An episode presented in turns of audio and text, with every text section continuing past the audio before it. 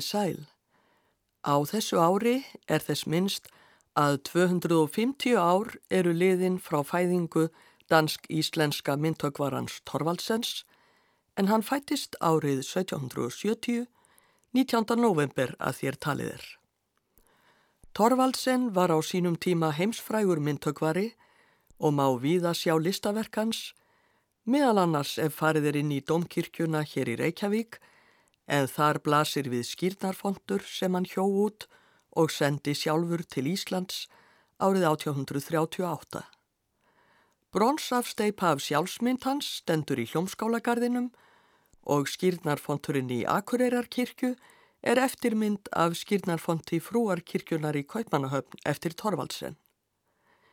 Hitt er ekki vist að allir viti að Torvaldsen var mikil tónlistarunandi Leg sjálfur á gítar og fleiri hljóðfæri og varðveist hefur handskrifuð nótnabók hans með verkum eftir Ímis samtíma tónskáld.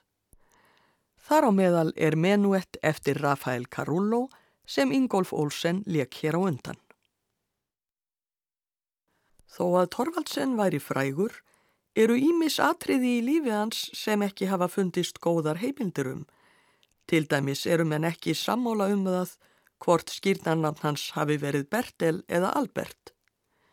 Vitað er að móðir hans kallaðan Bertel en hann skrifaði sig oft Albert og segja flestir fræðimenn að hann hafi tekið upp það nafn þegar hann fór til náms á Ítalíu vegna þess að það hafi hendað betur þar í landi. Í bókinni Torvaldsen við Kongsins Nýjatorg sem útkom 1978 heldur Björn T.H. Björnsson hins vegar fram þeirri skoðun að Albert hafi verið skýrnanramn hans og færi fyrir því þau rauk að varla hefði hann ritað það nafn undir opinber skjöl eftir að hann fluttist heim til Danmerkur ef það hefði ekki verið hans rétta skýrnarnamn. En hvers vegna er ekki skýrnarvottorðið einfallega skoðað, kann einhver að spyrja? Það er af því að skýrnarvottorð Torvaldsens hefur aldrei fundist og hann finnst kvorki skráður í kirkjubækur í Danmörku nýja á Íslandi. Svo sögn hefur hins vegar lifað að hann hafi fæðst á skipi sem hafi verið á leiðmilli Íslands og Danmerkur. Fadir Torvaldsens var Íslendingurinn Gottskálk Þorvaldsson, fættur á reynistað í Skagafyrði árið 1741, en móðurinn var dönsk, Karen Dagnes, og byrja nú aftur óvisa um nöfn því sumar heimildir segja að ættarnafn hennar hafi verið grönlún og ekki er heldur vitað um fæðingarár hennar. Árið 1757 fluttist gott skálk til Danmerkur, átti heima í Kaupmannahöfn upp frá því og breytti föðurnafninu Þorvaldsson í Torvaldsen. Gott skálk var um tíma lærlingur hjá dönskum myndtökvara og starfaði síðan í Kaupmannahöfn sem myndskeri, engum skaran út stafnmyndir fyrir skip. Ljóst er að árið 1770 eru þau Karen orðin hjón, en í november það ár fæðist Bertelsonur þeirra. Bref þeirra hjóna ber að vottum það að hjónabandið hefur ekki alltaf gengið vel, gott skálk átti til að fá sér í staupinu og gera sumir danskir æfisagnarítarar Torvaldsens mikið úr drikkjuskap hans en íslenskir æfisagnarítarar aftur á móti lítið. Þegar Torvaldsen ógs úr grasi fór hann að hjálpa föður sínum við myndskurð og brátt kom í ljós að hann hafiði mikla myndlistarhæfileika. Þrátt fyrir fátækt fjölskyldunar komst hann 11 ára gammal í teikninám í listaháskólanum og tók þar miklum framförum. 16 ára, 1786, komst hann inn í myndmótunarskólan og vann þar til silfurverlauna árið eftir. Vegur hans fór sívaksandi. 1793 fekk hann gullverlaun listaháskólans og 1796 fekk hann styrk til þryggja ára myndlistanáms á Ítalíu. Ferðir gáttu tekið langan tíma á átjándöld. Torvaldsen hjælt af stað frá Danmörku með skipi 20. ágúst 1796 en víða var komið við á leiðinni og það var ekki fyrir enn 16. janúar 1797 sem Torvaldsen stegi í land á Sikilei. Hann dvaldist í Palermo í hálfan mánuð, fór svo til Napoli og þaðan til Rómar.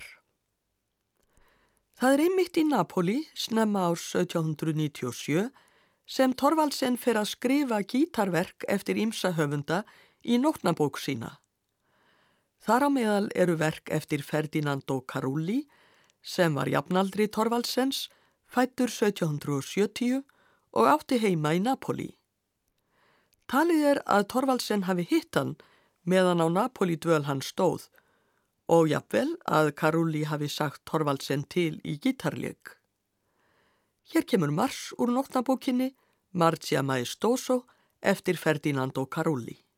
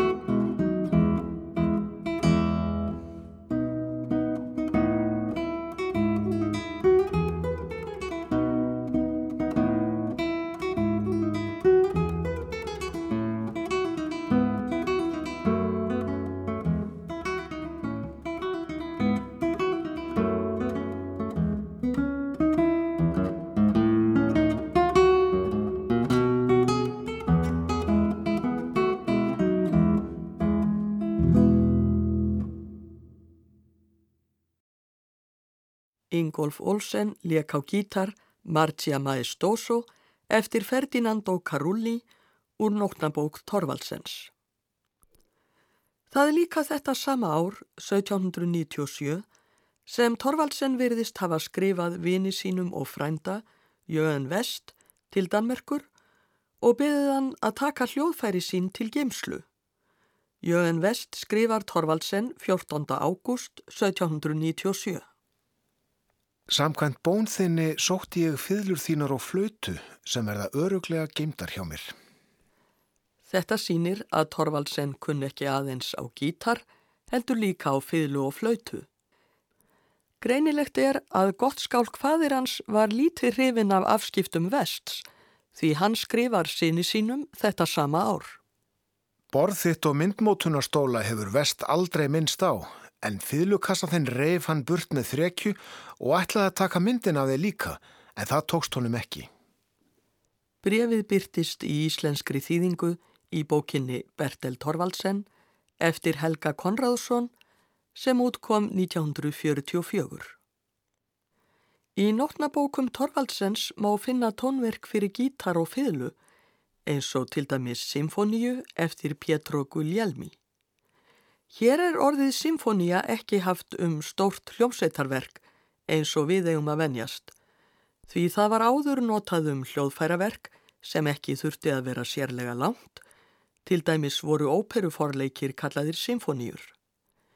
Pietro Guglielmi var frá Napoli eins og Carulli, fættur 1727 og dó 1804.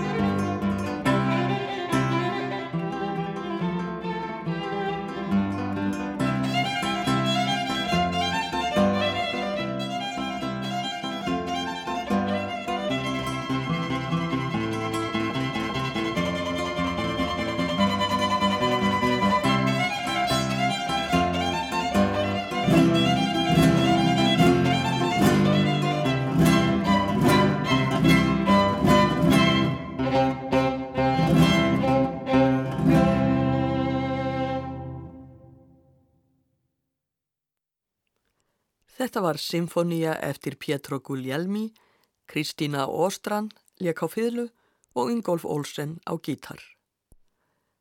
Svo að við fáum að heyra í öllum hljóðfærum sem Torvaldsen spilaði á, kemur hér stuttverk leikið á gítar og flautu, Dansa Romana eftir óþægtan höfund. Þetta er Saltarello-dans sem Torvaldsen hefur vafalaust oft fengið að heyra í Róm.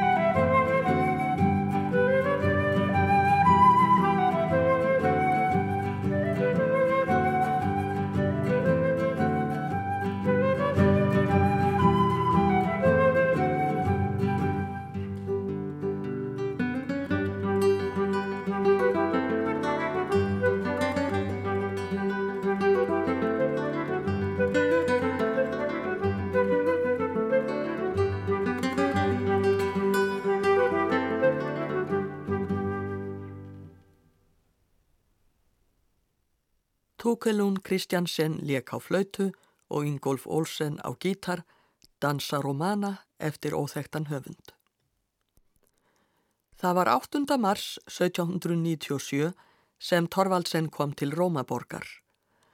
Hann leitt svo á að þennan dag hefði hann endurfæðst til nýs lífs sem listamaður og helt æfinlega síðan upp á þennan dag sem rómverska afmælistægin sinn. Þó að Torvaldsen drikki í sig þann listaanda sem sveif yfir vötnum í Róm, gerðan ekki margar högmyndir þar fyrstu tvö árin. Hann sendi samt kennara sínum, Nikolai Abilgor, þrjár högmyndir til Danmerkur árið 1798 og átti að selja eina myndina og láta móður Torvaldsens hafa andvirðið. En kaupendur fengust ekki þegar til kom, svo ekki varð af því. En árið 1801 vakti Torvaldsen aðtigli fyrir glæsilega stittu af Jasoni sem sagt er frá í grískri goðafræði og 1803 pantaði enskur kaupsíslumadur marmaragerð af stittunni. Torvaldsen hafði ætlað að fara heim til Danmerkur vegna fjárhagsvandræða en pöntunin á Jasonarstittunni breytti öllu. Hann var nú orðin þekktur listamadur og hafði næga peninga til þess að geta dvalist áfram í Róm. Og þar var hann um kyrt. Það var ekki fyrir en 35 árum síðar, 1838, sem hann fluttist aftur heim til Danmerkur. Önnur saga og sorgleiri tengist þó þessum Sigri Torvaldsens og ákverðun hans um að framlengja Ítalíudvöl sína. Foreldrar hans heima í Danmörku höfðu vænst heimkomu hans, engum hafði móðir hans bundið miklar vonir við hana en hún unni síni sínum afar heitt. Það urðenni sárvonbriði þegar í ljós kom að ekki var von á sininum heim og líklega hefur hana grunað að hún sæi hann aldrei framar. Hún var ekki heil helsu og 7. janúar 1804 dó hún úr krabbameini. Torvaldsen varð mikið um lát móður sinnar, hann sendi Abilgór brjóstmyndir og baðan að koma þeim í verð til styrtar föður sínum. Framkemur í brefum að Abilgór hefur látið gott skálk hafa peninga, en heilsu hinn síðanemda var farið mjög að raka og hann átti erfitt með að fá vinnu.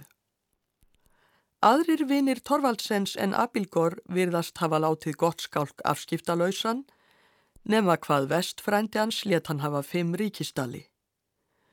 Sumarið 1805 var gott skálk settur á fátækrahæli kaupmannahafnar í Vartó og sárnaði honum það mjög.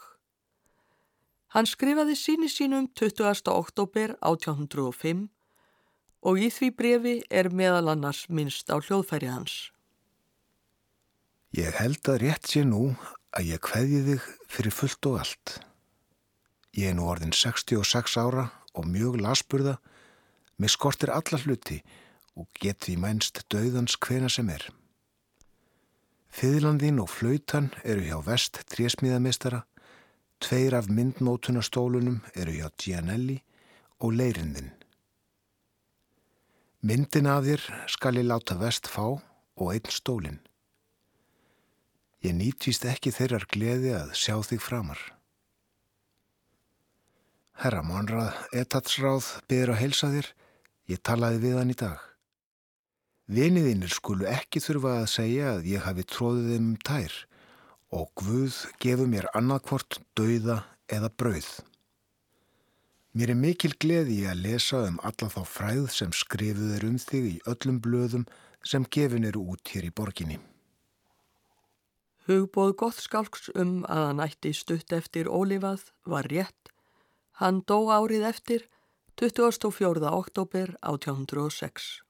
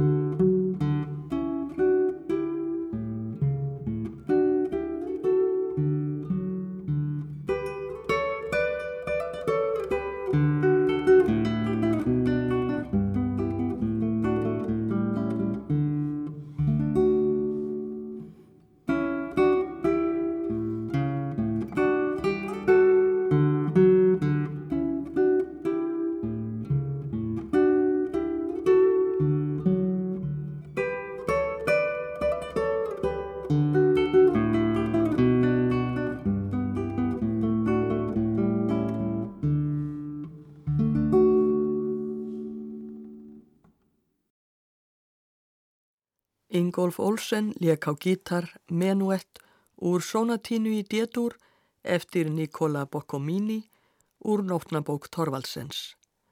Boccomini er talinn fættur í kringum 1740 en lítið um hann vitað. Á Ítalíu fór fræðarsól Torvaldsens sem myndtökvara síhækkandi og hann var þar í hópi vina.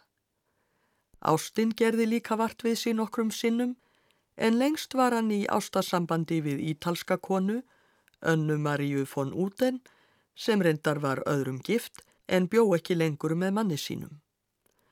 Þau Torvaldsen eignuðs saman tvö börn, dreng sem dó á barsaldri og dóttur, Elísu, sem Torvaldsen helt sambandi við alla æfi, þótt hún ælist ekki upp hjá honum. Hann kvantist hins vegar kvorki önnu Maríu nýja nokkurri annari konu. Árið 1826 stóð Torvaldsen á hátindi fræðarsinnar en þetta ár kom íslensk stúlka, Jóhanna Brím, í heimsókn til hans í Róm. Jóhanna var dóttir Gunnlaugs Brím sem hafði verið skólabróðir Torvaldsens í listaháskólanum í Kaupmannahöfn. Hún var nú á ferðalagi með Torlasíus fjölskyldunni og Torvaldsen tók henni með kostum og kynjum. Í brefi frá Jóhannu má finna fjörlega lýsingu af jólavislu hjá Torvaldsen þar sem tónlistin kemur talsvert við sögu. Annað skemmtilega samkvæmið sem ég gatum hér að framann var veistlasú er við vorum í á jólanóttina hjá hinnum elskulega etasráð Torvaldsen. Þangað komu allir danir sem stattir eru í Róm Þar var mikið sungið og spilað, ungur maður að nafni Gersen sem þeir er vit hafa á segja að sé ágetur hljóðfærarleikari, skemmt okkur lengi með sínum frábærlega fagra leik. Margir leku þarna á gítar. Jafnvel blessaður Torvaldsen kom okkur á óvart. Er hann þreif gítarin og leik á hann ofurlítið sönglag. Tónarnir sem hann leik voru svo blíðir og viðkvæmir að ég varð frá mér numinn. En þetta stóð ekki nema stuttastund því að brátt seldi hann gítarinn af höndum og hvaðst ekki geta leikið meira. Saðist vera farin að styrna af æfingarleysi því hann hefði ekki snert gítar í 20 ár.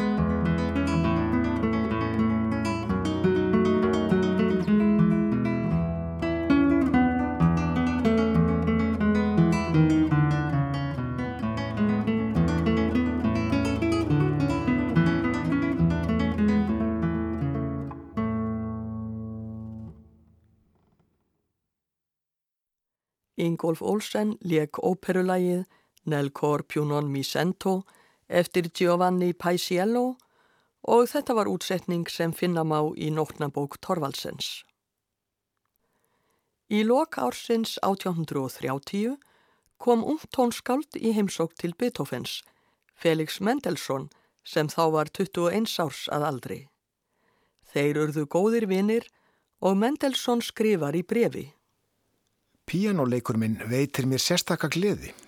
Þú veist hvað Torvaldsen er mikill tónlistar unnandi og þess vegna leik ég stundum fyrir hann á mornana þegar hann er að vinna. Hann á fyrirtags píjánu. Mendelssohn gæti hafa leikið fyrir Torvaldsen píjánuverk sín sem hann kallaði Ljóð án orða, svo sem þetta sem er samið 1829.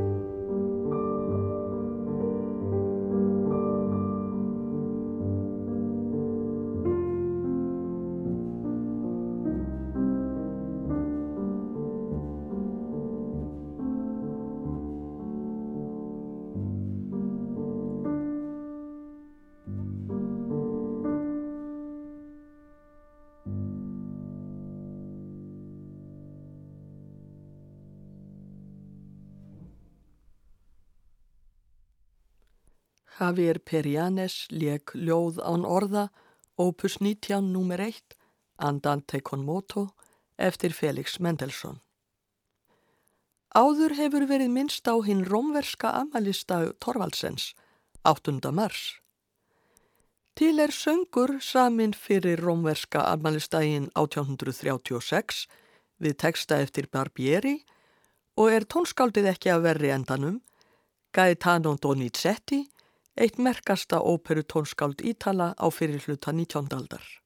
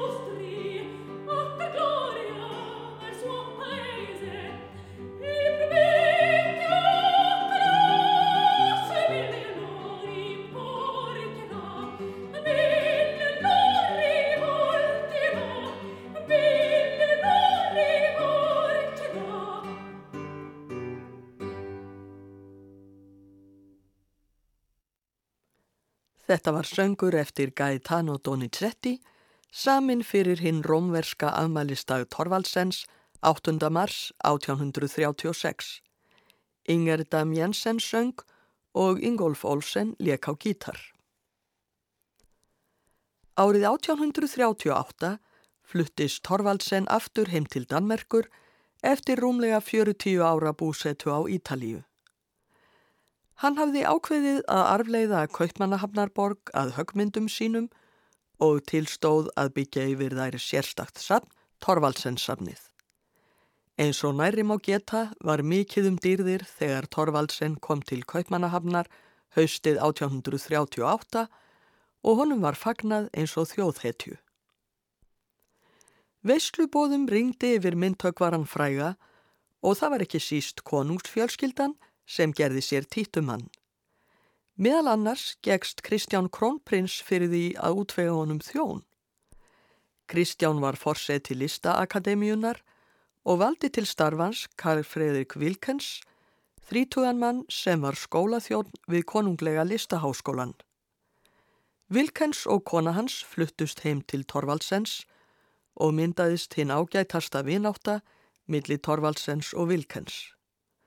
Laungu síðar, þegar Vilkens var um sjötugt, skráði Tómas Óerskó endurminningar hans og komið þær út undir heitinu Torvaldsens síðsti orr, síðustu ár Torvaldsens. Þær eru mikilvæg heimild um listamannin. Einn af helstu vinum Torvaldsens í Danmörku var Kristíne Stampe, baronessa, en hún let byggja handónum vinnustofu á herragarði sínum Nýsu og þar vann Torvaldsen meðal annars sjálfsmyndina sem sjámá í hljómskálagarðinum. Hann gaf Stampe barónessu gítarsinn en því miður virðist hann hafa glatast. Flauta hans er hins vegar varðveitt á Torvaldsensafninu.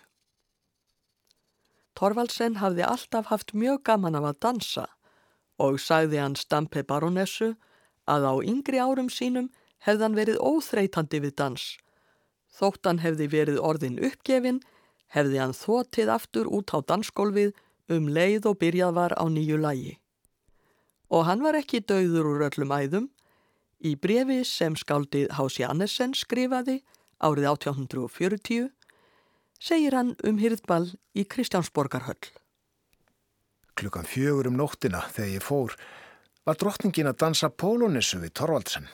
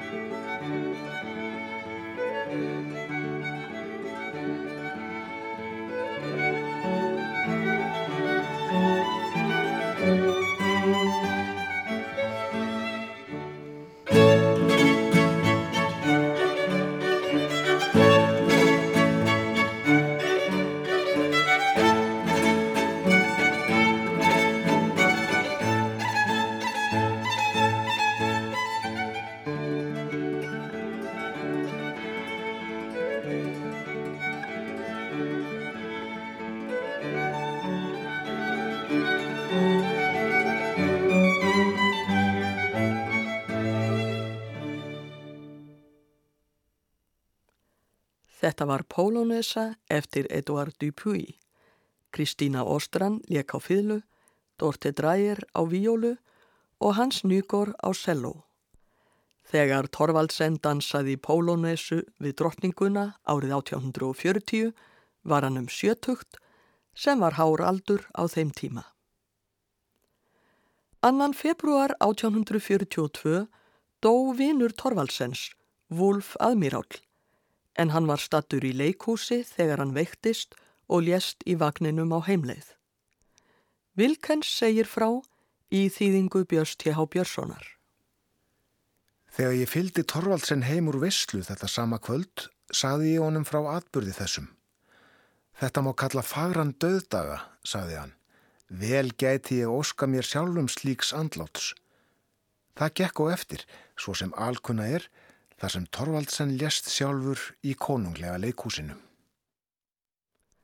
Í desember 1843 fór gamalt fótarmein að ángra Torvaldsen, auk þess sem hann þjáðist af brjóstverkjum. Hann átti við vanhelsu að stríða fram yfir áramót og fjallunum sérlega ítla að get ekki byrjað að vinna á nýjástag sem hann leita á sem heilladag fyrir starfsitt. Torvaldsen var mikill leikúsunnandi.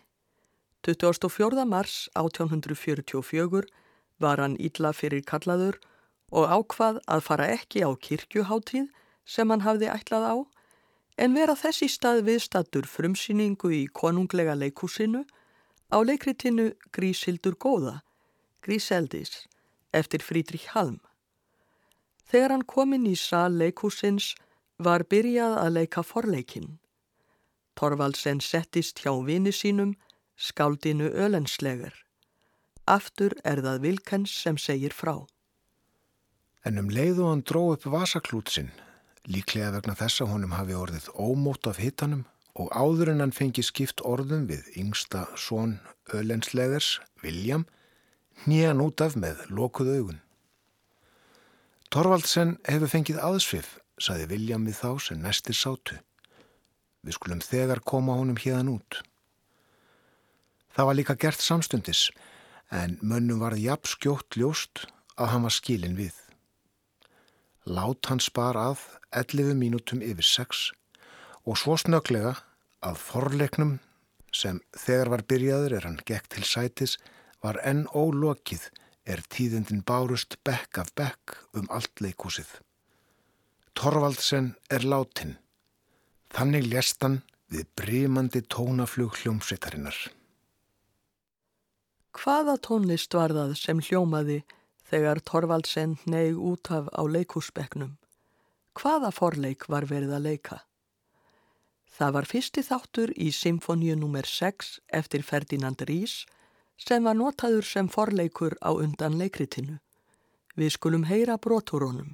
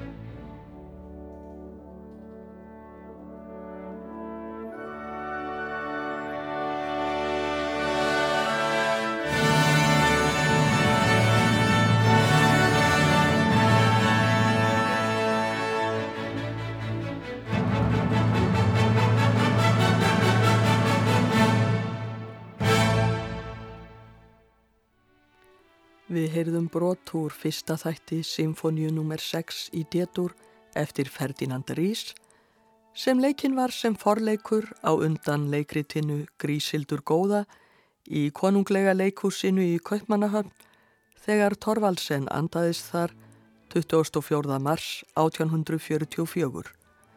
Hann var þá á 74. aldursári. Kammersveitin í Zürich leik Howard Griffiths stjórnaði. Útför Torvaldsens var hinn virðulegasta. Á undan kistunni gengu fjórir hópar manna í heiðursfylkingum og voru Íslendingar í þriðja hópnum. Leikin var tónlist eftir danska tónskáldið Jóhann Petur Emilius Hartmann sem samin var sérstaklega fyrir útförina. Einu atriði var hins vegar sleft. Ballettmeistarin August Bournonville hafði bóðist til að dansa sérstakann sorgardans í líkvildinni, en það þótti þeim sem skipulögðu útförina einum of frumlegt, svo ekki varð af því. Það hefði þó ekki átt ítla við, eins og Torvaldsen hafði gaman af dansi. Stuttur dans verður loka atriðið í þessum þætti. Við heyrum Ingolf Olsen leika á gítar, ítalskandans, tarantellu en þetta lag leik Spiladós sem var hluti af gullsignetti Torvaldsens. Ég þakka hlustendum áhyrnina, veriði sæl.